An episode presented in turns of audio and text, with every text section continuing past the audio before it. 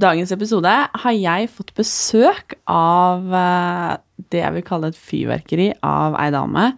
Hun er eh, kul, tøff og snakker rett fra levra. Temaet er fortsatt eh, sex, og det har jo nærmest vært et luksusproblem å finne tematikk, for det er sjukt mye vi kan prate om når det kommer til sex. I forrige uke så var det en venninne av meg som fant ut at kjæresten hennes hadde vært utro med hennes egen bestevenninne. Og skal vi tro en del studier, vil i hvert fall halvparten av oss tråkke over grensa i løpet av livet. Utad snakker vi om utroskap og sex øh, med andre. Og, eller hva skal man si, vi snakker om utroskap og sex, som, eller sex med andre som noe som er helt uakseptabelt. Det er veldig sjelden jeg har hørt noen si at uh, utroskap er bra, eller noe som er greit. Og jeg syns derfor det er litt interessant at omfanget faktisk er så stort som det det faktisk er. I dag har jeg fått besøk av Iselin Guttormsen. Jeg sa det riktig nå? Det gjorde du. Ja. For vi skal snakke om eh, sex, porno, sjalusi og hvordan det faktisk er når den du elsker, bedrar deg. Og kan man egentlig kjøpe unnskyldningen om at det betydde ingenting, det var bare et ligg? Og er det egentlig greit at uh, partneren ser på porno? Velkommen, Iselin. Tusen takk. Så hyggelig at du er her hos meg. Du, Det er så hyggelig å være her. Hvordan har du det? Jeg har det veldig fint. Det er uh, Jeg måtte jo stå opp litt tidligere enn det jeg pleier. Jeg skulle tross alt inn til uh, storbyen. Så, men det er deilig. Får mye ut av dagen. Ja, enig. Hva, kan ikke du fortelle litt om hvem du er? Det er det verste spørsmålet jeg kan få. Sånn, hvem er du, Martine? Ja, jeg veit det. Uh, men ja, jeg er jo Iselin Guttormsen. Jeg er 32 år. Begynner å dra på åra. jeg er tobarnsmamma og samboer. Ikke gift. Enda. um, ja, jeg studerer sexologi, så jeg studerer til å bli sexolog. Så dette her er jo temaer som er right up my alley, for å si det sånn. Uh, og så har jeg hatt et veldig engasjement i alle årene jeg både har blogget og vært i stedet på sosiale medier, uh, rundt åpenhet rundt kropp og seksualitet og følelser. Eh, og hva følelser er for noe, og alle spekterne av de forskjellige følelsene vi mennesker besitter. da. Hvorfor velger man å bli sexolog? Det, det det spørs litt. Det er veldig mange i klassen min nå som eh, enten er parterapeuter eller psykoterapeuter eller eh, helsesøstre, jordmødre, og psykologer, psykiatere osv. som bare vil ha litt faglig påfyll. Eh, jeg vil ha Altså, jeg tar studiet for å kunne ha mer å dele med følgerne mine. Jeg har lyst til å ha fokus på seksualundervisning fra barnehagealder og opp til videregående. Så mange av de temaene jeg brenner for å snakke om, har jeg alltid snakket om, men som en blogger, da, så blir man jo bare tatt som hun der dumme lille bloggeren med personlige meninger. Så jeg tenkte at jeg må ha faglig påfyll. Eh, og det har gitt meg så sjukt mye å begynne på den skolen. Mye mer enn det jeg hadde, det jeg hadde trodd og sett for meg. Så hittil så er det bare helt rått. Så spennende. Mm, veldig spennende. Shit. Er det noen liksom personlig grunn til at du eller har du alltid hatt interesse for på en måte Sex har man jo kanskje naturlig at ja, er interesse for, men du skjønner hva jeg mener? Ja, jeg har vel altså det som, det som har vært utgangspunktet mitt, eller som gjorde at jeg bestemte meg for at nå har jeg lyst til å gjøre noe Jeg har lyst til å få litt påfyll. Eh, det var da første gang jeg ble gravid, og etter jeg fikk barn, barn nummer én, hvordan sexlivet påvirkes. Eh, og da også etter barn nummer to. Eh, og alt dette her med rundt følelser, sjalusi, kroppen forandrer seg, eh, parforhold, hele den biten der. Eh, og da også selvfølgelig når min partner da eh, var utro. Jeg fant ut at han var utro for ca. et år siden. Eh, og det har pågått i rundt sånn, ja, over, ganske, altså over flere år, da. Eh, og da tenkte jeg at hva er det med denne sexen, denne seksualiteten, denne nærheten, denne kontakten, denne, denne oppmerksomheten fra det motsatte kjønn. Hva er det som gjør at det er så interessant at eh, du er villig til å risikere alt det trygge og gode du har hjemme, da, for denne spenningen. Så det var en av altså grunnene til at jeg bare dette her må jeg jo Jeg må finne mer ut om det. Eh, og også i forhold til dette med pornografi, da. eh, hvor jeg har ganske bestemte meninger eh, rundt pornografi. Både positive og negative. Jeg er veldig nysgjerrig på hva andre også mener om det. Og om vi er litt sånn Ser vi kun den ene retningen? Klarer vi å se litt større? Hvordan tenker nordmenn i forhold til danskene, eksempel? Um, så ja. Jeg vil vite mer, og derfor studerer jeg. Og jeg vil ikke bli en uh, sexolog, tror jeg, som kommer til å sitte på et kontor og ha masse klienter til meg. Jeg vil ut Jeg lager foredrag, lager litt sjov. Uh, og få budskapet ut, da. Og forebygge fremfor å brannslukke. Ja. Mm. Høres bra ut. Ja, ja. Men uh, du nevnte jo litt dette med hvordan er det egentlig Eller hvordan påvirker på en måte det å få barn sexlivet? Eller hvordan har det påvirka for din del? For det er jo selvfølgelig forskjellig fra person til person. Det er veldig forskjellig fra person til person. Og um, jeg og min samboer var jo sammen bare et år før vi ble gravide, så vi var fortsatt i den liksom nyforelska eh, Vi hadde flytta sammen, og alt var på stell. og Alt var planlagt til punkt og prikke. Jeg skulle ta lappen, vi skulle kjøpe oss bil, barnerom. Alt skulle være i orden, økonomisk sett og, og, og følelsesmessig mellom han og meg, og det skulle være stabilt og trygt. Eh, men eh, det å få barn, det var et kraftig slag i trynet på oss begge. Og kanskje spesielt for han, Det var den klassiske, klassiske fella da, hvor eh, kvinnen blir gravid og går rett inn i morsrollen med en gang. Du finner ut at, at du er gravid. Du legger, veldig, du legger ting til side. Alkohol, festing. Du prioriterer annerledes. Du blir kanskje veldig dårlig.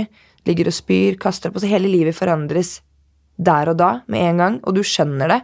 Eh, mannen, altså Tom, skjønte det ikke med en gang. Altså, vi var jo 24-25 år, så vi var jo unge. Eh, og tok ganske lang tid før han egentlig skjønte hva som foregikk. Så det gikk både Det gikk først utover parforholdet.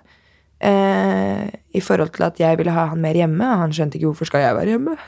altså, hva kan, Skal jeg holde deg i hånda mens du, mens du ligger og spyr? Eller skal jeg, altså, og videre, da når vi fikk barn, han skjønte ikke helt hva skal jeg gjøre. altså Barnet er totalt avhengig av deg. Så det ble veldig gnisninger der, og det går selvfølgelig utover sexlivet. Eh, og for meg så var det veldig frustrerende, fordi at når jeg var gravid, så var jeg steinkåt. Jeg har ikke vært så kåt på evigheter jeg, som jeg var når jeg var gravid. Og det er mange biologiske årsaker til det.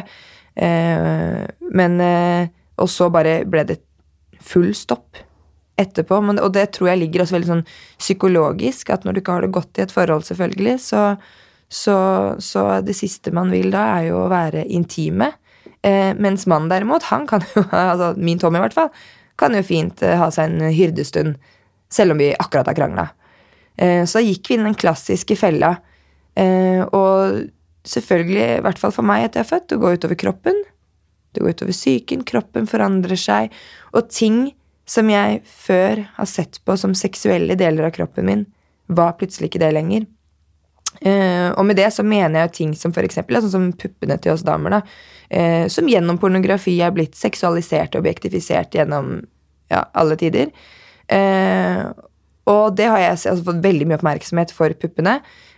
og gutta er veldig puppe, rumpe, tiss det er veldig, alt, er, alt er så sexy og flott. Og det er veldig fantastisk at gutter liker disse delene ved kroppen vår. Men når jeg ble gravid, så kjente jeg at herregud, puppene mine har en helt annen funksjon. De skal jo gi næring til barnet mitt. Så jeg, jeg ville ikke bli tafsa på det, jeg ville ikke bli kyssa eller nussa eller noen ting. Dette her var matfatet til barnet mitt, og det var medisin til barnet mitt i forhold til nesedråper og øyedråper i det hele tatt. Eh, så det var liksom ingenting seksuelt ved det i det hele tatt, og det er jo frustrerende for både meg og for han at vi har så vidt forskjellig syn. Men det er min kropp. Og så var det veldig den derre Ja, men du må gi og ta i forholdet, ikke sant? Og jeg er sånn Ikke faen om jeg skal gi. Jeg skal da faen ikke bare gi sex. Og han skal ikke bare ta. Sex er noe man skal ha sammen. Eh, og når jeg da ikke vil ha sex fordi jeg syns han er en kukkelure, så, så, blir det veldig vanskelig, da. Og han kun, kan jo tenke seg sex selv om han syns jeg er en kjerring. Så ja. Det påvirka veldig, og så er jo vi mødre jeg kan, Eller jeg kan snakke på mine egne vegne. Vi får jo denne fysiske nærheten og denne kontakten av barnet vårt opp gjennom ja, opp gjennom hele oppveksten. Vi har en unge hengende bokstavelig talt i puppen hele tiden. Jeg er ikke interessert i å ha en mann hengende i den andre. Uh, så Når kvelden kommer og du endelig skal sove, så vet du at fader, nå er det bare fire timer til hun våkner igjen når jeg skal opp. Så nå må jeg bare få lov til å ha kroppen min for meg selv. Jeg må eie meg selv, og jeg vil bare sove. Så det var den, ja, den klassiske fella. Men øhm, du, eller dere, ble foreldre. Mm. Og hvor lang tid tok det før du, eller før han var utro? Det eh, Altså, jeg fant ut for eh, ja, et år siden nå. Eh, og da har han møtt denne dama da for fire år siden igjen, da. Så det var vel Herregud, hoderegning. altså, vi hadde ikke fått barn nummer to, eh, men var, vi, vi var vel i startsfasen ved å eh, pusse opp det huset, eller totalrenovere det huset vi bor i i dag, så datteren min var vel rundt sånn tre eh, tre, tre år, tenker jeg. To, to-tre år rundt der. Uten at eh, jeg skal regne noe mer på det, men det var rundt den tiden der. Um, så det var egentlig en veldig sånn fin fase hvor hun hvor den spedbarnstiden var over. Så jeg trodde på en måte at vi på en måte var litt på samme side igjen, og jeg kjente at åh, gud, nå er vi over den verste kneika. Men uh, ja. Hvordan fant du ut av det? Du, det var magefølelse. Og jeg hater å si det, fordi når andre kvinner og damer og jenter spør, og jeg sier det var ren og skjær magefølelse, så er jeg redd for at eh, jeg skal påvirke andre damer til å bare overtenke og bli hysterisk og ah, 'Magefølelsen min sier noe.' At, at, jeg, at jeg lager storm i alle parforhold der ute. Eh, men det var en magefølelse, og den magefølelsen kommer jo ikke av seg selv hvis man har det helt fantastisk. Den kommer jo av at det er noe som ligger og ulmer. Um, så jeg hadde aldri i min villeste fantasi trodd at han hadde vært, eller kunne være kapabel til å være utro. Han har alltid lovet meg at han aldri ville være det. Eh, og spesielt siden eh, vi har barn, og spesielt siden jeg da nylig, altså vi hadde akkurat fått en, et barn til. Um, så han hadde vært ute på jobb på, på byen med jobben, med ny jobb. Og når han kom hjem da, så hadde jeg en eller annen magefølelse. Så sjekka jeg hele telefonen hans. Bare saumfart alt. Altså, jeg ble helt CSI, FBI eh, altså, altså virkelig. Jeg kan ikke skjønne hvordan jeg klarte å finne det ut, men det var via Snapchat, da. Hvor jeg fant ut det meste. Og hva gjorde du da? Eller hva skjedde da? Altså, jeg, Når jeg snakker med andre som opplever utroskap, så er det mange som forteller at de var helt rolige. liksom. Dette skulle de ta. Eh, de, skulle, altså, de har skaffa barnevakt til barna. De skal sitte hjemme og prate. Og så, og så hun, skal de liksom ta det med partneren sin. Men altså, det, altså det, det bare kokte innvendig. Altså magen den bare vrenger seg helt, og du blir kvalm. Og du blir svett. Du begynner å kaldsvette. Du skjelver. Og jeg vekker den jo. Og bare 'Hva faen er dette her for noe?' Hva faen er dette her for noe? Og han hadde jo all, all sakens mulige fornuftige forklaringer på ting og tang. Og jeg var helt i fistel. Dette var jo midt på natta, da. Så jeg var helt i fistel, ikke sant. Og så skal du prøve å krangle mens du hvisker, for å ikke vekke barnet. Ikke sant? Det er jo helt umulig. Det er sånn komisk oppi det hele.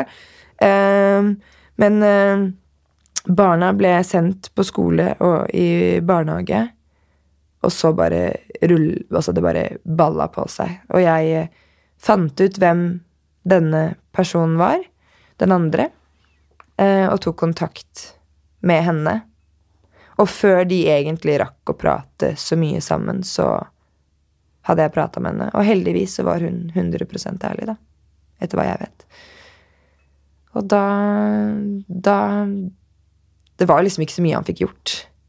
Så i starten så kom det en del løgner fordi han tenkte at fader, jeg, jeg fucked up, jeg busta. Eh, men hvis, hvis, jeg ikke forteller hele sanden, hvis jeg ikke forteller resten nå, så kanskje det fikser seg. Så jeg skjønner at han på en måte prøvde å unngå det faktumet at, de da, at det da viste seg at de hadde hatt sex også. Um, uh, men det kom hun jo ikke unna, da. For hun fortalte jo alt sammen. Så, og da stolte jeg mer på henne enn på han, for å si det sånn. Og så balla det på seg, og det bare Altså, det var en helt sinnssyk periode i livet. Jeg får vondt inni brystet mitt, liksom. Ja. Jeg bare ah. Det er helt, du, du, synker helt, og på det tidspunktet så jeg var jo så stusslig som det gikk an å bli. Jeg hadde operert mandlene, og du ligger der, og du er Altså, Du føler deg bleik og jævlig, du får ikke trent, du får ikke, du får ikke spist sunt. Du ligger bare og spiser is og sjokoladepudding. Du er sår i halsen, du stinker rett og slett dritt i hele kjeften fordi du har jo sår og verk.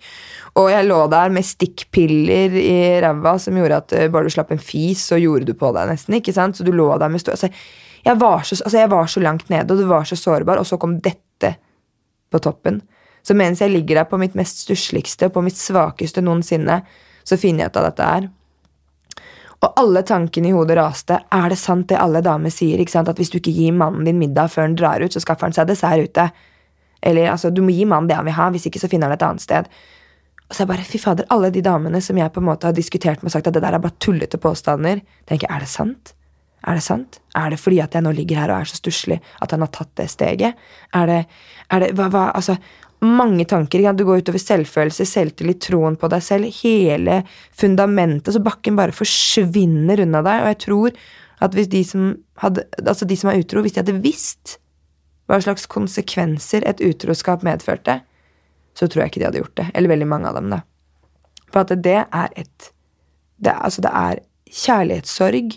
Eh, og sorg altså det, du føler nesten, altså det, det er nesten som et dødsfall. At du har mistet noen som bare Altså, det er, det er en helt uh, ubeskrivelig følelse.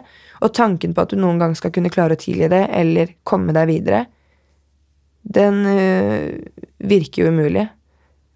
Så hvordan ble på en måte deres vei, vei videre? For dere er jo fortsatt sammen den dag i dag og har to superskjønne jenter. ja, vi er sammen en dag i dag, og uh, jeg var ganske det, Altså, det raste rundt i hodet mitt. Idet jeg fant ut, så tenkte jeg at dette her skjer ikke. Dette her, Han skal ut. Han skal til helvete ut. Det var det første jeg tenkte. Uh, og jeg har alltid hatt en tro på at uh, er noen utro mot meg, så aksepterer jeg det ikke. Det er nulltoleranse. Uh, og jeg hadde også en veldig tydelig dialog med min samboer og på hva jeg syntes var greit, hvor grensene gikk. For det jo altså Det varierer jo fra person til person og forhold til forhold. Hvor går grensa på utroskap? Noen syns det går allerede ved dansing på byen. Noen har det ved kyssing, noen har det ved klin. Noen tenker til og med at det å ha sex ikke er utroskap så lenge det ikke er følelser involvert. Så det er ganske forskjellig, men jeg har vært ganske tydelig med Tom på hva utroskap er for meg, og at jeg ikke syns det er greit at han spanderer drinker på andre damer på byen. Skjer ikke. Og hvis vi er på byen sammen, og vi møter på damer han kjenner og jeg kjenner, så vil jeg at du introduserer meg for dem. Involver meg, så jeg slipper å gå rundt med en ekkel følelse eller eh, begynne å bli sjalu. Jeg bare Vær åpen. Bare Alt skal på bordet. Så det at eh, når dette her da skjedde, så tenkte jeg bare faen, du veit så sykt godt hvor grensa mi går. Altså, du vet det så til punkt og prikke. Og likevel så har du liksom backstabba meg i ryggen i fire år. Så det var ganske tungt å svelge, men når du har barn, så tar man jo det inn i betraktningen. Eh, og veldig klar over at min eldste datter, hun ville Altså, hadde vi gått fra hverandre, hun hadde fått en intens altså sorg. Kjærlighetssorg. Så jeg tenkte at jeg skal i hvert fall prøve. Jeg lovte han ingenting. Jeg sa hvis du vil ha dette her til å fungere, så skal jeg gi det en sjanse, men jeg vet ikke hva jeg tenker om et år eller to, eller tre eller fire. Det kan hende at da at jeg bare Fuck it, jeg, dette klarer jeg ikke. Men som parterapeuten vår sa også, var at det, Eh, det viktigste man må finne ut når en partner har vært utro, det er å finne ut om den som har bedratt, har lyst til å fortsette forholdet. For hvis den som har bedratt, ikke har lyst til å fortsette forholdet, så er det ikke noe vits å kjempe. Og det var det jeg tenkte, og jeg gidder jo for faen ikke å kjempe her og ha kjærlighetssorg og kjempe for familien hvis du egentlig ikke vil. Mm. Så det er veldig viktig å få vite at vil du dette her? Og han var 100 han, han, han, han, gikk jo helt i oppløsning. Jeg har aldri sett en mann så stusslig i hele mitt liv. Um, og så tenker man jo også at uh, de som er kritiske, sier ja, ja, ja, selvfølgelig er han stusslig nå. liksom, Det er jo alle sammen. Han er lei seg fordi han ble tatt. Uh, og ja, det var han jo. hadde jeg ikke tatt den, så hadde det sikkert pågått den dag i dag. Hvem vet? Uh, men han var genuint helt knust, og han så hva det gjorde med meg. Og jeg tror han bare Han har levd i en sånn boble som plutselig bare sprakk. Hvor han bare skjønte fader. Og jeg sa til han jeg kommer aldri til å ta barna dine fra deg. Det er ikke sånn at hvis jeg går fra deg nå, så skal du aldri få se barna altså, du, du, har ikke, du, har ikke, tatt livet av noen. Du har, ikke, du, har, du har, ikke, gjort noe Altså, du har ikke gjort noe så forferdelig noe at jeg aldri kan se deg inn igjen. Du er menneske, du har driti deg ut. Men dine avgjørelser og dine ræva valg skal ikke gå utover mine barn, i hvert fall. Så vi var veldig sånn at jeg skal i hvert fall Jeg skal prøve, og så tar vi det derfra. Og da var jo parterapi liksom det første punktet som vi måtte, måtte begynne med, da. Det er ganske heftige saker. Ja, det er det. Det er noe jævla dritt. Men hva Altså, nå kan jo ikke du svare på vegne av han, mm. eh, men jeg vet jo at han syns det er greit at Eller han aksepterer at du har behov for å prate om det, og at eh, dere er veldig åpne om det. Mm. Um, men hva var på en måte forklaringen? Og du som også har prata med så mange damer, eller andre damer som har vært i lignende situasjon, mm. eh, og sikkert noen menn òg. Mm. hva er liksom grunnen til at noen går og velger å være utro i fire år? Det er veldig, det er veldig forskjellig, og, og, jeg må jo poengtere det at han har ikke hatt et fast forhold, på å si. Hadde mm. det vært et dobbeltspill, og at han har levd et liv, altså sovet hos henne fast, altså levd et dobbeltliv, så hadde det jo vært mye vanskeligere å svelge. Hvis det hadde vært uh, følelser involvert, og han følte at han måtte gjøre slutt med henne for å satse på familieforhold sånn. Det har vært veldig sånn sporadisk, det har vært noen måneder uten kontakt, og så har det vært litt sånn innimellom. Eh, og så har det resultert i at de har møttes og hatt, hatt sex. Um, og både jeg og han sitter jo fortsatt og lurer på hva er grunnen? Hva er årsaken? Snakket mye om det med parterapeuten også. Hva er det som får et menneske til å gjøre noe sånt nå, da? Eh, I hvert fall hvis du i etterkant sier at det, det, er ikke dette du vil. Det er ikke dette, altså Utroskapen var ikke noe du ville, det bare skjedde. Um, og jeg tenker at eh, jeg var så interessert i å finne ut hva som har fått min samboer til å gjøre det, at jeg tenkte at jeg skal i hvert fall være her mens jeg finner Det må ligge noe mer til grunne her. Eh, fordi at fordi om du er utro, så betyr ikke det at du er et jævla rasshøl. Det betyr ikke at du er et menneske med sykt dårlige verdier, eller at du at, uh, ja, at du er slem da, og ondskapsfull. Uh, og det er forskjellige grader av utroskap. Jeg tenker den derre fylla har skylda, hvor det skjer et uhell på byen og sånne type ting, den tenker jeg den kan være litt lettere å svelge. Fordi at det var et engangstilfelle. Man var full. Man angrer. Shit. Pommes frites. og så er det den som er mer litt sånn uh, aktiv, hvor du er aktiv i søkende, noe min samboer definitivt har vært. Men han har ikke hatt dette forholdet, så det, føler jeg det er den her hvor du har et forhold på si. Og så er det jo de som på en måte holder på hele tiden. Som ikke er monogame i det hele tatt, som bare finner seg eh, en, et nytt ligg hver eneste helg, nesten. Um, og da kan man jo lure på at da er du et rasshøl, da. Enten du er dame eller kar. Men i vårt tilfelle så så jeg en veldig sår person, da, i bånd. Som har vært uh, veldig forelska i starten. Og så kommer det inn faktorer som gjør at oppmerksomheten han da har fått fra meg, blir minska, da. Det, alt handler plutselig om barn og barna. Uh, selvfølgelig. Uh, og han føler seg jo kanskje ikke sett. Uh, og jeg styrer jo veldig på med mitt. Jeg er jo Liker å være midtpunkten i midtpunktet, altså festens midtpunkt. Liker å snakke høyt, liker å lage mye leven. Og han følte seg vel kanskje litt sånn i bakgrunnen.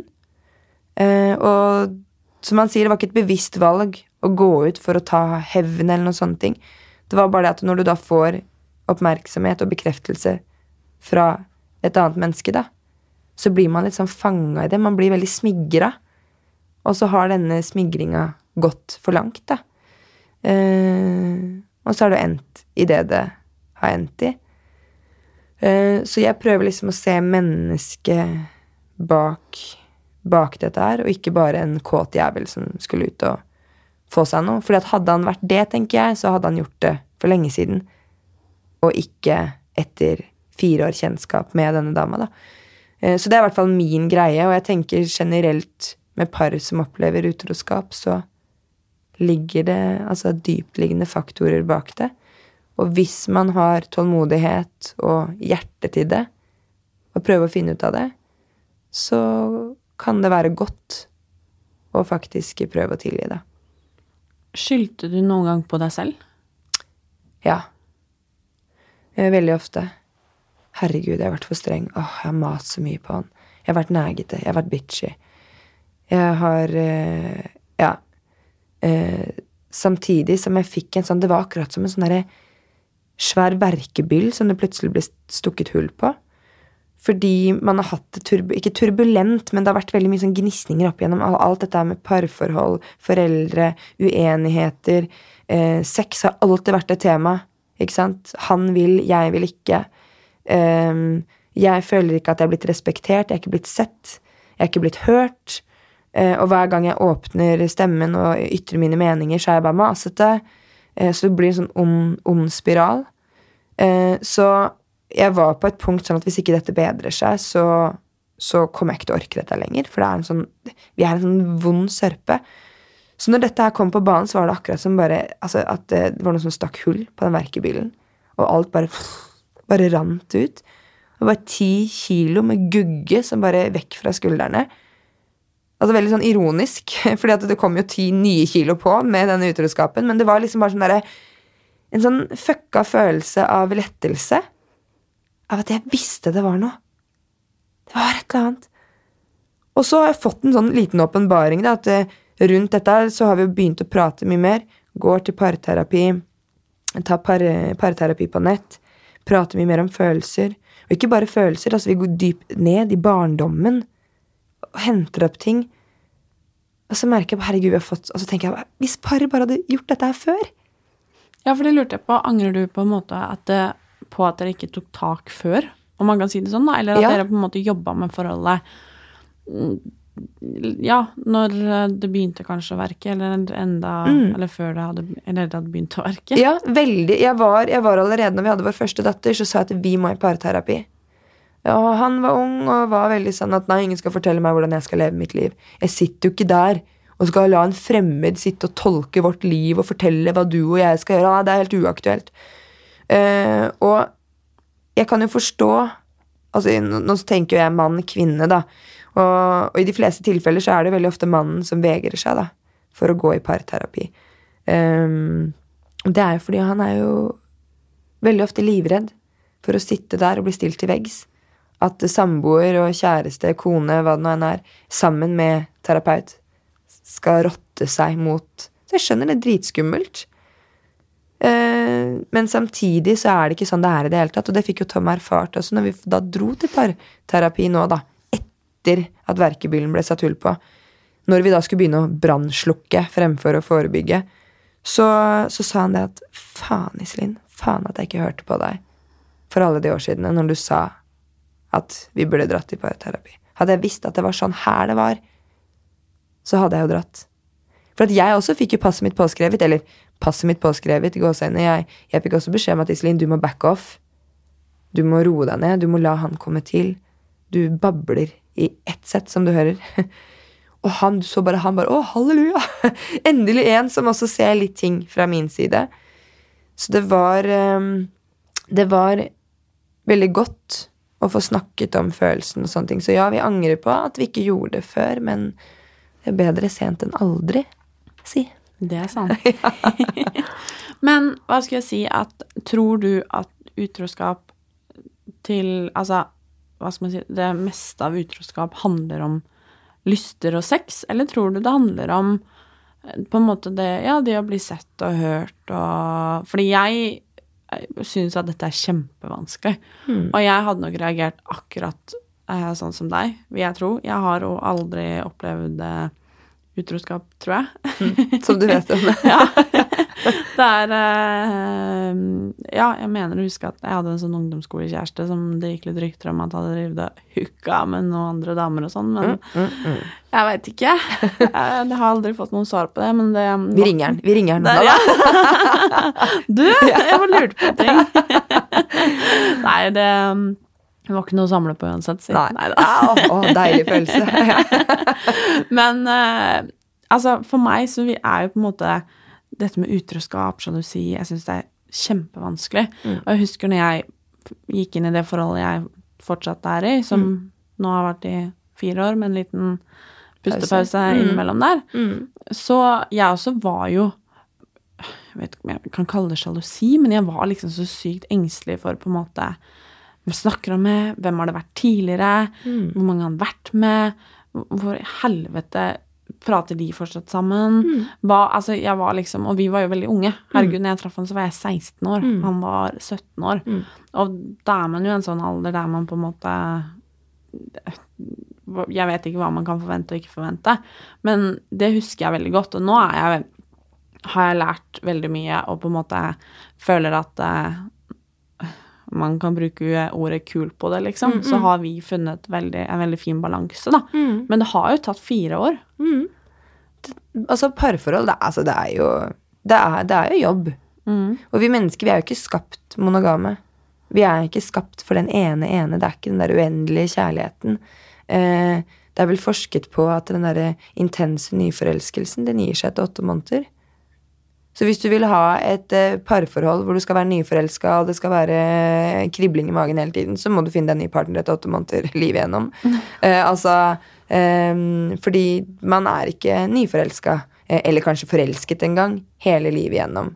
Eh, men en sånn dyp, inderlig kjærlighet, det tror jeg veldig på. Og det er jo den som på en måte har redda mitt forhold med Tom, i hvert fall. Ehm, og dette med sjalusi Altså alt Altså sex, eh, sjalusi og de tingene her, og følelser Det er veldig mye det er, så mye, det er veldig mye tabu rundt det, og det er så klisjé å si tabubelagte temaer. Men det er jo det, og sjalusi spesielt. Og det er en del Jeg har skrevet en del om det, fordi at sjalusi er en veldig vond følelse. Um, og man snakker veldig lite om det fordi at det, eh, man er redd for å bli sett på som en sånn derre psyko Jo, men det er jo det jeg kjerring. også føler, og det føler jeg også med um, sånn som de jeg kjenner, eller mine nærme som jeg kjenner, som har blitt bedratt. Mm. Um, de også har jo hatt en sånn magefølelse, men liksom konkludert med at nei, jeg skal ikke være psyko. Mm, Ikke sant? Nei, han ville aldri ligge med noen, eller hun hadde aldri funnet på det, eller Nei, jeg, det er bare jeg som er psyko. Mm, mm. Og den der er det veldig mange som, som sliter med, og jeg vet også at veldig mange av de damene jeg har prata med, som sier at åh, ikke sant, han sitter mye på telefonen, jeg har lyst til å gå inn og sjekke, men jeg kan ikke koden hans, det er jeg kan jeg spørre om den, er helt, ikke sant? Og så er det veldig mange som svarer men herregud, hvis dere har det sånn i et forhold, da er dere ikke meant to be. Hvis dere ikke klarer å stole grunnleggende på hverandre, så har dere ikke noe å bygge videre på. Mens jeg er litt mer sånn, og øh, folk kommer sikkert til å reagere, men jeg er litt sånn at hvis du ikke har noen ting å skjule, så skader det deg ikke å gi partneren din telefonen din, og la partneren din sjekke, enten du er gutt eller jente. Eh, og det er ikke snakk om at eh, det skal skje hver gang du er på do, hver gang du er ute. Men jeg har i hvert fall fått en sånn, etter den utroskapen her, så alt, har jeg tilgang til alt av Tom sine greier. Og det gjør at jeg har ikke noe behov for å sjekke det. Jeg har fått sjekka det de gangene når det sto på som verst. Og så har jeg sjekka rundt det og gravd og sånne ting, og så viser det seg at jeg, jeg finner ingenting. Så han har jo åpen Altså, jeg kan komme inn, og han kan komme inn på min, men vi gjør det jo ikke fordi at man da stoler på hverandre. Og man har rett til et privatliv, jeg er helt enig i det. Men samtidig så er det sånn Det er noe man gjør, noe du uttrykker Eller hvis du klarer å gi partneren din en følelse, da, av at det er noe som ikke stemmer, eller at du, hun eller han har det vondt, så er jeg litt der at det, kan man ikke prøve å hjelpe hverandre til å bekrefte at dette her ikke er noe å bekymre seg for? Um, så Og det er jo skummelt òg, på en måte, for hvis du er en sykelig sjalu person, da Altså, jeg har vært med en som er Altså, altså jeg har vært offer for sykelig sjalusi, som, altså, som, som ikke har noen grenser, som er helt sinnssykt. Og så har jeg på en måte også vært offer for sjalusien ved at jeg har følt det selv. Um, og sjalusi er en ekstremt vond følelse, og i dagens samfunn hvor sosiale medier eh, altså på en måte styrer livene våre, så er dette sjalusibegrepet mer omfattende, føler jeg, da. Fordi at det er så mange ytre faktorer nå som kan påvirke oss. Nå er det ikke lenger bare det blikket som man gir til en person på gata, eller tekstmeldingen. Altså, nå blir bombardert med andre flotte mennesker hele, hele tiden. Um, og det er det jo han eh, psykologen som jeg pratet om i stad, før vi begynte her, han eh, Andreas som eh, hva var Narum? Eh, Andreas mm. Narum. Som, som snakker om dette begrepet med eh, mikroutroskap. Og det er ganske aktuelt i dagens eh, samfunn, da, fordi at mikroutroskap det kan være bare den tekstmeldingen som du sender til en kollega eller en venn, som partneren din får en vond følelse i, i magen av, da. Så derfor er det veldig viktig at par prater sammen om hvor grensene går, da. Og du er ikke helt sykelig fucka sjalu i hodet ditt hvis du blir sjalu over at partneren din sender en melding til en kollega som kanskje er litt flørtende, da. Da må man snakke sammen. Og veldig, jeg syns det er veldig egoistisk å avfeie den som er sjalu, med å si at 'fader, nå er du fucka', eller 'herregud, jeg må da få lov til å ha' Altså, for det ligger så mye mer til grunne for de følelsene. Så sjalusi er dritvanskelig, og det er dritflaut å prate om. Og derfor tror jeg også at veldig mange går rundt med en magefølelse, som du sier, uten å gjøre noe med det. For de vil ikke bli oppfatta som hun sjalue gærne eller han psykopatiske sjalu typen. Um, og også da dette med porno, ikke sant. Sjalusi og porno. Som man i hvert fall ikke skal prate om, for da er du i hvert fall gæren i hodet. Ja, fordi det lurer jeg på, er det utroskap å se på porno? Det kommer an på, på parforholdet, hva, altså hvert enkelt individ. Jeg har prata med noen som mener at det er utroskap. Eh, jeg personlig eh, ser ikke på det som et utroskap. Eh, men der igjen så er det litt sånn kommer, Så da må man snakke sammen hele veien. ikke sant? Hvis Tom kommer til meg nå og sier at, det, at vet du hva, når du ser på pornoiselin, så føler jeg det som utroskap. Jeg får skikkelig vondt i magen min, og jeg føler meg dårlig, jeg føler at jeg ikke strekker til, jeg føler meg ikke kjekk nok. Føler... Så hadde jeg selvfølgelig Hva er det du sier for noe? Da, da er ikke porno så viktig for meg at, at, jeg ikke klarer å legge det til side. Det er jo hans følelse viktigere. Mm. Eh, og, men jeg tror veldig mange jenter føler at hvis de sier at de blir sjalu av å se på porno, så er de fucka i hodet. Og det mener jeg at det, det blir i mine øyne veldig feil, da. For det, det, tenker jeg også på mm, Altså, når det kommer til utroskap og se på porno og sex og alt dette her, at det kan på en måte unnskyldes med at Nei, men det var bare et ligg. Det betydde ingenting. Mm. Eller eh, så liksom så sier Nei, men herregud, jeg må jo få lov til å se på porno, liksom. Mm, mm. At det på en måte blir unnskyldt, da. Ja. At det liksom nei, nei, det var bare et ligg, liksom. Det betydde ingenting. Og det er en helt ræva unnskyldning. Eh, det hjelper selvfølgelig som den bedratte å få vite at det ikke betyr noe, men du har likevel eh, Du har allikevel gått langt over streken. Du har brutt lojaliteten. For det er jo kanskje litt for enkelt å bare si at eh, nei, det var bare tøm og røm, liksom. Det er jo også og, og om det bare var tøm og røm, så er det for meg at ja, men det er jo enda verre. Hva slags holdninger er det? Du bare skal tømme og rømme. Altså, hva slags kvinnesyn har du da? Hvis det bare er tøm og røm, er litt sånn jeg tenker, da. Mm. Hva tenker du over Altså, tenker du på den partneren din som sitter hjemme og er knust? Tenker du på den jenta som du bare tømte og rømte fra? Altså, det er liksom ja, vi skal få lov til å ha sex, og ja, vi skal få lov til å ha tøm og røm hvis begge parter er, er, med på det, på en måte. Men jeg, det, det, ligger så mye mer sånn fundamentale, grunnleggende verdier i en sånn type holdning som jeg kjenner at uh, ja, det var ikke noe mening, det, det var bare et ligg. Da kjenner jeg at eh, fuck deg og det jævla ligget ditt. Det hjelper jo ikke en dritt, det. Fortell det til hjertet mitt da, og følelsene mine her, som er helt Den driter jo at det bare var et ligg, for du har gjort det. Så akkurat den greia der, den kjenner jeg at den Det Og jeg skjønner at de som sier det, på en måte For det, de, de, det er jo det som er sant. Mm. Det er jo det de mener. Altså, veldig ofte så er det Det var jo bare et ligg. Det, ikke, altså, det var jo bare det det var. Men det betyr ikke at det, det er noe mindre vondt for den som er blitt bedratt av den grunn. Hvordan var det, og kanskje fortsatt er det, å skulle på en måte Når du vet at partneren din har vært utro, mm. du vet at han har eh, ligget med noen andre, mm. hvordan er det på en måte da å skulle ha sex igjen? Du, det er helt Akkurat det greiene der er helt eh, Det er helt uh, fucka. Fordi at uh, i perioden etterpå så hadde vi så sjukt mye sex. Eh, eh, og det var, det var, så intenst. Det var så følelseslada. Og det som var fint med det, det var jo det at det var så mye følelser. Det var ikke denne typiske sexen som, ja, som de fleste blir påvirket av uh, ved å se på porno, da. Det var liksom ikke Det, det, var, så, det var, så, nært. Det var så var så, det var så kjærlighetsfylt, da. Det var så sinnssykt intimt og bra. Det var så mye følelser både i og utapå kroppen.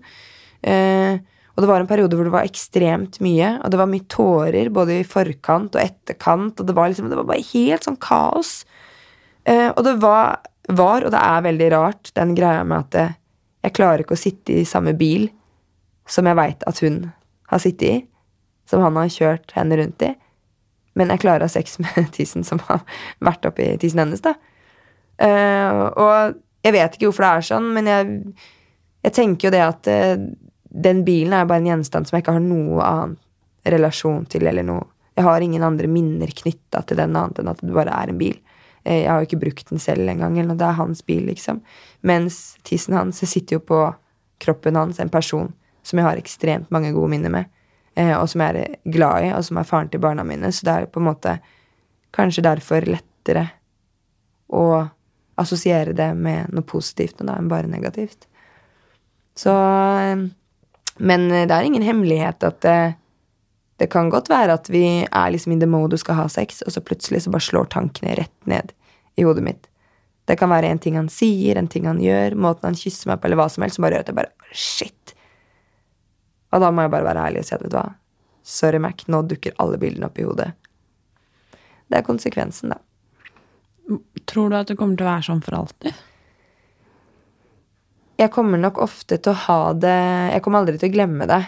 Eh, jeg kommer nok til å glemme etter hvert kanskje masse detaljer rundt og, Eller jeg vet ikke om jeg kommer til å glemme det heller, men jeg tror jeg kommer til å klare å leve med det sånn som jeg gjør i dag. Jeg tror ikke det kommer til å, til å styre så mye av tankene mine fremover. Det blir bare mindre og mindre av det etter hvert. Så kommer det nok til å bli at jeg vet at han har gjort det, og det er historien. Men jeg velger jo også å stå i det. Så jeg kan ikke Jeg kan ikke, kan ikke bære nag til han eller ta det opp for evig og alltid. Bare litt akkurat nå, da, for nå er det ikke så lenge siden jeg fant ut. Men jeg syns som sagt at det er skikkelig vanskelig, for det er sånn når jeg hører deg prate om det nå, mm. Jeg kjenner at det knyter seg i brystet mitt. Mm. Jeg kjenner at jeg bare ser for meg Nå har ikke vi noe barn, mm. men jeg bare ser for meg scenario, og jeg bare kan jeg Sånn kaste opp bare av følelsen, liksom. Mm. Og igjen, det rammer så sykt mange. Mm. Det er, det er, en av grunnene til at Jeg vet ikke hvorfor, jeg et, altså hvorfor jeg hadde et behov for å skrive om det på bloggen og snakke om det når det skjedde. Men det var i samråd med Tom. Eh, han syntes selvfølgelig ikke det var kult, men han sa do what you gotta do for å lette på trykket. Og det har hjulpet meg veldig. Det har hjulpet meg så sjukt å være åpen om det. Eh, fordi at da har jeg ikke så behov for å gnage på han om det, da. Mm. Gnage, det blir feil å si gnage. Eh, snakke med han om det. Fordi at jeg begynner å bli litt lei den historien sjøl snart. ikke sant? At det bare Ja, det har skjedd. Eh, og veldig mange av de damene som tar kontakt med meg, og menn også, som har opplevd det, de sier at eh, vi holder innad i familien. Og jeg tenker bare fy fader, du går der og bærer på den verste sorgen i livet ditt, kanskje, akkurat der og da. Og så ingen skal vite om det. Du skal bare trappe på barnebursdager, foreldremøter, eh, familiebursdager, julaften, eh, bryllupsdag Altså gudene veit hva, så skal du bare Og så er det ingen som skjønner hva som egentlig skjer. For meg så har det vært ekstremt deilig at familien hans vet, at familien min vet, og vi er på en måte kommet så sykt mye mer styrket ut av det, alle sammen. Vi har en mye mer respekt for hverandre. Og familien, også hans foreldre og mine foreldre, alle sammen de, Altså, vi verner så mye mer om hverandre. Og Tom og jeg, vi har, har det nå bedre enn det vi noen gang har hatt det før. Så det har på en måte Det er eh, Det kan faktisk gå veldig, veldig, veldig bra, da. Var det noen gang sånn at foreldrene dine på en måte ville ta deg bort fra det, og klikka på han, liksom? Nei. Nei. Nei. Det var, Jeg husker jeg ringte mamma og hylgreiene. Altså helt sånn ut av meg sjæl-opplevelse. Og jeg husker ikke om hun begynte å gråte med meg, men hun ble i hvert fall veldig lei seg. Og både mamma og pappa, som er gift og den dag i dag og fem unger og sånne ting, de har på en måte mine forbilder. De har, de har liksom klart det. Um, å holde sammen, da, ikke bli en del av skilsmissestatistikken. Eh, men de sa at uansett hva du velger, så støtter vi deg. Uansett hva. Uh, og det var veldig stort for meg også, for Tom hadde faktisk dratt til mamma og pappa uten at jeg visste det. Med lua i hånda. og sett pappa i øynene og, og mamma og bedt om unnskyldning for at han har såra datteren deres. Og det visste ikke jeg at han hadde gjort. Uh, så det betydde ekstremt mye. Da mener jeg at da er du mann med stor M, når du tør å ta skammen, skylden og alle drittfølelsene du har hengende rundt deg, og gå lutrygga på mine foreldres dør og be om unnskyldning for hva han har forårsaka. Så det mm, Det betydde veldig, veldig mye for meg, i hvert fall. Har du noen tips til de som har opplevd utroskap, eller hva er på en måte ditt beste tips? Det, altså mitt beste tips er jo å prate med noen om det. Jeg sier ikke at du skal skrike ut sånn som jeg gjorde. Uh, for du må velge Altså, vær nøye med hva du har lyst til å si, og hva. For det, alt man gjør, får jo konsekvenser. Eh, så jeg er litt sånn derre Men du, du, bør i hvert fall prate med noen eh, om det, og få lette på trykket, og ikke være redd for at den personen kommer til å dømme partneren din, for jeg tror veldig mange gjør det. At jeg, har, jeg vil jo at vi skal fortsette som par.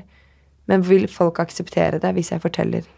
Ja, for jeg skal ærlig innrømme at um, en av mine beste venninner uh, som har opplevd dette her tidligere mm. Jeg sliter jo med å respektere hennes partner. Mm. Fordi at jeg har sett hvordan hun har hatt det. Mm. Og jeg har vært veldig tydelig på at uh, jeg støtter henne samme hva. Mm. Og jeg respekterer valget hennes. Mm. Men at jeg uh, helt ærlig sliter med å respektere på en måte han og se han i øya. Og ja. Mm. At jeg, jeg personlig som venninne, da, som egentlig ikke har noen ting med det å gjøre, syns at det er vanskelig. Fordi at Og det er fordi at han har gjort henne så vondt. Mm. Skjønner det kjempegodt. Og jeg er ganske sikker på at han også kjenner det. Hvis, altså, når dere skal møtes uh, sammen sånn, så skal jeg tippe at det er han som gruer seg mer enn deg. Mm. Eh, og det er, det er, jo en ekstremt vond følelse, da. Å vite at du har driti deg ut, og så vet du at mennesker du skal møte, vet om det. Du føler deg ikke så veldig høy i hatten. Så hva skal man gjøre? Hvordan skal han oppføre seg? Skal han late som ingenting? Det kan være provoserende for deg. Eh, skal han prate med deg om det? Kanskje altså, Han også er jo like i villrede, vil jeg tro, da. Eh, så igjen, det handler liksom Men jeg skjønner at man mister Venninnene mine sa det til meg også. At, eh, at vi må bli kjent med Tom på nytt. Vi må starte fra scratch, liksom. Uh, og det har man jo gjort, og det har vært ganske fint. Har du noen tips til noen som, hva skal man si, enten vurderer å være utro, mm. eller som på en måte har vært utro og ikke har sagt det til partneren sin, eller eller som er det per ja. dags dato. ja. um, det er Alt kommer for en dag. Sannheten kommer fram før eller siden. Uh, altså, og, jeg, og, jeg, mener det helt sånn genuint. Altså, tro meg. Og det behøver ikke å være at du har en partner som graver i telefonen din, eller et eller annet. Det kan være en forsnakkelse. Det kan være at du sier det ene året at du var på fest der og da og da, og så når man prater om Husker du den eh, festen for et år siden, og så er det plutselig et annet sted eller, Det kan være sånne små faktorer som gjør at en partner bare What? Det her stemmer jo ikke med det du sa i fjor. Altså Det kan være tilfeldigheter, det kan være at noen har sett deg, det kan være altså Alt kommer for en dag. Eh, og utroskap gjør jo noe med forholdet selv om den andre partneren ikke vet det. Det skaper noen gnisninger. Så eh, kutt ut før det går for langt. Eh, og hvis du er i et forhold hvor det ikke er bra, da må man i hvert fall snakke om det. Eh, og si 'Jeg var ærlig med Tom når jeg kjente at jeg var på byen, og vi hadde det dårlig', og det kom en kar bort og ga meg en oppmerksomhet som jeg kjente at jeg satte veldig pris på. Da kom jeg hjem til Tom, og så sa jeg det at 'vet du hva, nå kjente jeg at den oppmerksomheten likte jeg såpass godt', og det syntes jeg var dritskummelt, Eh, så nå må du og jeg begynne å jobbe med forholdet. Den gang da så ble han helt sjokkert, ikke sant? samtidig som han satt med med kuken i hånda, kuken i hånda og eh, svarteper på ryggen, holdt jeg på å si.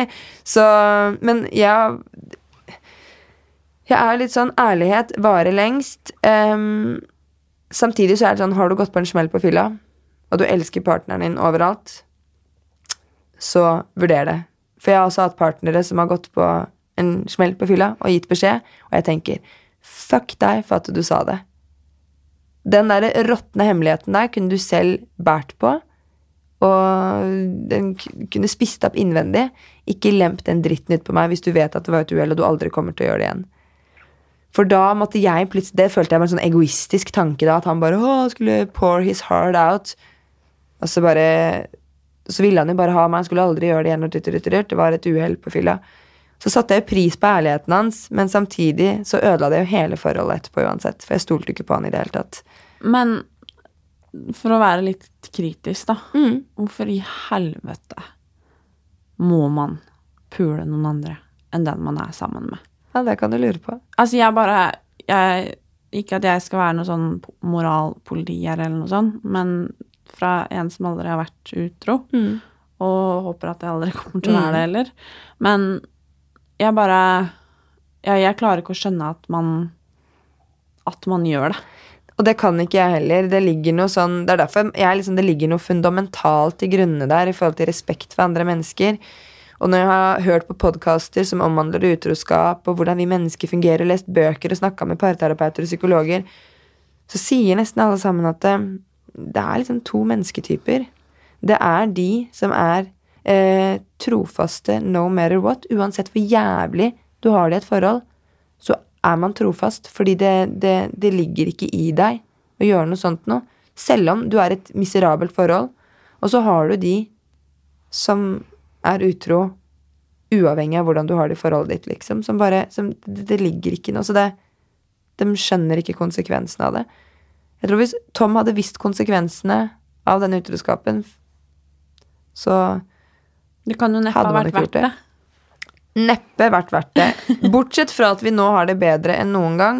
Eh, så noe måtte jo til i forholdet vårt. Det var bare jævlig synd at det var et utroskap. Og det er derfor jeg håper at par bare Og spesielt disse gutta som vegrer seg for å gå i parterapi. Det er ikke noe farlig nå. Bare gjør det. Gjør det før det er for sent. Før enten du eller partneren din finner oppmerksomhet eller hos en annen person da, som kan føre til utroskap. Men jeg er helt enig. Hvorfor i helvete vimse rundt med enten lepper eller kuk når du har en partner hjemme som bryr deg om deg, da? Det tror jeg aldri jeg kommer til å forstå heller. Har du Hvis jeg kan stille deg det spørsmålet For jeg, etter at jeg sa at eh, vi skulle snakke om sex i podkasten denne måneden her, så har jeg fått en hel del spørsmål. Og for å stille deg ett av de Fordi at jeg tror at veldig mange i et forhold føler at man ikke strekker til. Ikke sant? Litt som du sier, han vil, uh, hun vil ikke, eller omvendt. At det er veldig sånn Nei, hun maser på sex, men jeg orker ikke. Eller, og så blir det på en måte en gnisning der, fordi man har behov, man får ikke dekket behovene. Og så tror jeg da, litt som du snakka om i starten her, at det, man da automatisk Man bare gir. Ikke sant? Bare for å holde kjeft og være fornøyd, på en måte. I sted, uten at det egentlig betyr noe. Det, det gir deg egentlig ikke noe god følelse. Du bare, du bare gjør det. Det går greit, liksom. Har du noe Altså, hva burde man gjøre når man er i en sånn situasjon? Enten om man er den som på en måte vil veldig, eller den som ikke vil i det hele tatt. Fordi det er jo en forventning i, samtale, eh, i samfunnet at eh, vi skal være keen på sex helst hele tiden. Ikke sant? Vi snakker jo om sex som at det på en måte Ja, jøss, har du fått deg noe, liksom? Er det derfor du er så glad? Og liksom Jøss, herregud, nå har han fått pult endelig, liksom. Altså, det er jo sånne fraser jeg hører daglig i på en måte mitt miljø, og bare les på Facebook omtrent, vet du. Og det er liksom hva har du å si til de? Kanskje de som føler at de ikke strekker til, da, og kanskje er redd for at ok, hvis ikke jeg ligger nå, så går partneren min og er utro. Og den, den, eh, den er så klassisk. Og jeg må jo poengtere, jeg er ikke ferdig utdannet sexolog. Jeg er eh, sexolog under utdanning. Um, men uh, uh, det, er så, det, er så, det er så stort, det temaet der. Fordi at det er så klassisk uansett eh, uansett alder. Og hvis jeg skal gi et sånn konkret råd, så syns jeg det er vanskelig, fordi alt avhenger av person og, og hvilke forhold de er, eh, er i. Eh, men jeg har en sånn gyllen regel om at, eh, for min del i hvert fall, at eh, eh, ikke gi og ta. Altså, jeg gir ikke sex, og en person skal ikke bare ta sex. Sex er noe man skal ha sammen. Eh, og veldig ofte for jenter så handler det om at de ikke kjenner på den derre indre, indre lysten før sexen starter. Altså hvis du skulle hatt en graf foran deg eh, fra eh, fra venstre til høyre. Nå måtte jeg tenke høyre, venstre. Eh, fra venstre til høyre. Og hvor du skulle tegna tenningsmønstre på mann og kvinne, så ville du sett at eh, grafen til mannen ville jo gått skyhøyt opp med en gang. Og så ville den vært der oppe en stund, for å så gå ned igjen. Og så er det nesten at når den er på vei ned igjen, at eh, den begynner å nå toppen hos dama, nesten. Så vi har ekstremt forskjellige tenningsmønstre, og det har jeg sagt til Tom òg når vi har hatt disse diskusjonene om at 'du vil jo aldri ha sex, og du er ikke kåt lenger'. Så ropte jeg til han 'Tror du ikke jeg også syns dette er jævla kjipt? Tror du ikke jeg også har lyst til å kjenne at det skal dirre i klitta, liksom? Tror du ikke jeg har lyst til å bare kjenne og se på deg og tenke at fy faen, deg har jeg lyst til å ha sex på? Sex på? Sex med? uh, tror, du ikke jeg har lyst til å, ikke jeg har lyst til å kjenne den indre greia til fy søren, har jeg lyst til å ja, knulle med deg og bare ha det jævlig bra med deg? Og så, men du gir meg ikke sjansen, for du oppfører deg som en jævla kukskalle. ikke sant? Jeg er sint på deg hele tiden. Du er jo der, bare surr med deg. Det er hele greia der. ikke sant? Så bare, kan du være så snill og bare høre på meg, så tissen min får tid til å reagere på hvor fantastisk du egentlig er. Og så ble det en sånn stemning rundt det, da. Og den tror jeg er veldig sånn klassisk, for det ligger så mye mer til grunne. Eh, og dette her hvis Altså, det er så komplekst. Jeg tipper at alt handler om kommunikasjon. Hva man trenger. Eh, og for de som tenker at man skal gi og ta, ja, da må man gi og ta utenfor senga også. Eh, gjøre ting du kanskje ellers ikke er så eh, glad i, men du gjør det fordi du gleder partneren din. Eh, og jeg tenker at det veldig mye handler om når, når den ene partneren ikke vil ha sex, så altså, det, Vi er seksuelle vesener fra vi blir født. Så et eller annet inne, inne, et sted inni oss så ligger jo denne kåtheten, denne lysten. Vi må bare la den få lov til å blomstre. Og hvis du ikke har det godt i forholdet ditt, da, så, så kommer du ikke ut. Eh, så for de parene som tenker jeg da, som sliter med dette her, og som har den klassiske 'han vil, hun ikke vil', så er alt kommunikasjon. Og så tenker jeg at det, eh, da, Og det er veldig klassisk at det er jenta eh, som har det slik. Jeg tenker at eh, girl, do your thing. Tenk på deg selv, altså. Våg å være seksuell eh, alene. Og kjenn på dette her alene. Og bare fokus på din egen vajayjay. Altså, jeg har hatt en åpenbaring på denne sexologiskolen jeg går på. ikke sant?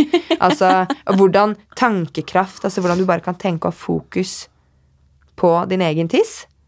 Og bare lukke en øyne og bare ha fokus og se for deg tissen din, se for deg kjønnsleppene, se for deg innvendig, se for deg alt sammen. se for deg, Og bare ha fokus på den så kommer du til å merke at det blodet bare bruser inni kroppen din. At du, du, klarer faktisk å skape en sånn spenning i kroppen din da, ved å ha fokus på deg selv. Og jeg tenker også det er viktig å ha mer fokus på hva du selv syns er deilig under akten.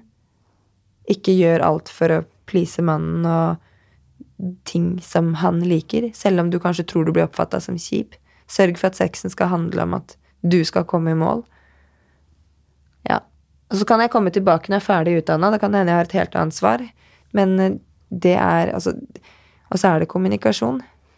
Det er så sjukt jævlig klisjé å si, men vi må prate sammen. Om alt. Og det, det er de gangene jeg har best sex, i hvert fall, når Tom og jeg har hatt gode samtaler. Om følelser, om barndom, om hvordan vi har det. Det blir så intenst, da. Og gutta må slutte med tafsinga på dama si, som på en måte ikke har noe annet for seg enn å bare klype puppene eller på rumpa eller grabbe på fitta eller hva det nå skal være for noe. Kutt det ut. Fordi at det er ikke det partneren din trenger. Og det mener jeg 100% Altså Den type oppmerksomhet den kan vi få av gutta på byen hvis vi vil. Den kan vi få av Kåre Ronny i baren på Sett i Drammen. ikke sant? Altså Hvis du vil ha uh, puppeklipping, uh, rumpeballer, hele den biten der, det kan vi få på byen. Uh, det, det betyr Det betyr ikke noe med mindre man har en dyptliggende kjærlighet og kommunikasjon i bånd. Hvorfor skal klasket på rumpa bety noe mer fra partneren min enn fra Kåre Ronny på byen? Det er på en måte bare det er, det er på en måte en sånn jeg vil heller ha et, heller ha et kjærlig stryk over ryggen. Et kyss i panna, en god klem bakfra. Eh, og du kan gjerne stryke på rumpeballen, sånne ting, men den derre veldig den der pornografiske seksuelle atferden med klemmer på pupper og rumpe og tiss og blablabla. Og det sier sexologen jeg selv går til også. Det er bare Gutta, dere må kutte det ut, for det skaper ikke noe altså, i verste til- Tenning? Nei, det skaper ikke tenning. Jeg tipper å si at de fleste jenter blir mer irritert enn smigret over den type atferd. da. Nå måtte jeg gjespe og strekke meg. Ja, mye pornopreik, altså. Ja, men det er bra, det. Vi trenger det. Det er liksom du sier om Greia med denne podden er jo at vi prater om absolutt alt. Det, og det er så bra. Mm, det er bra. Tusen takk for at du ville komme, Iselin. Det Takk for at du inviterte meg. Det var veldig interessant og spennende. Og jeg håper at det kanskje sitter noen der ute som eh, Eller jeg er ganske sikker på at det sitter noen som har lytta på denne, som føler at de skal ta praten med noen de burde. Ja. Det håper jeg også. Ja. Ja. Og så er det jo viktig å tenke at man, man er ikke i en unik situasjon når man har det sånn. Man er ikke den eneste, selv om det kanskje føles sånn. Og derfor er det så sjukt deilig å prate med andre om det, da. Og ikke føle seg som en dårlig kjæreste fordi man ikke har lyst på sex, da. Tusen takk for at du kom.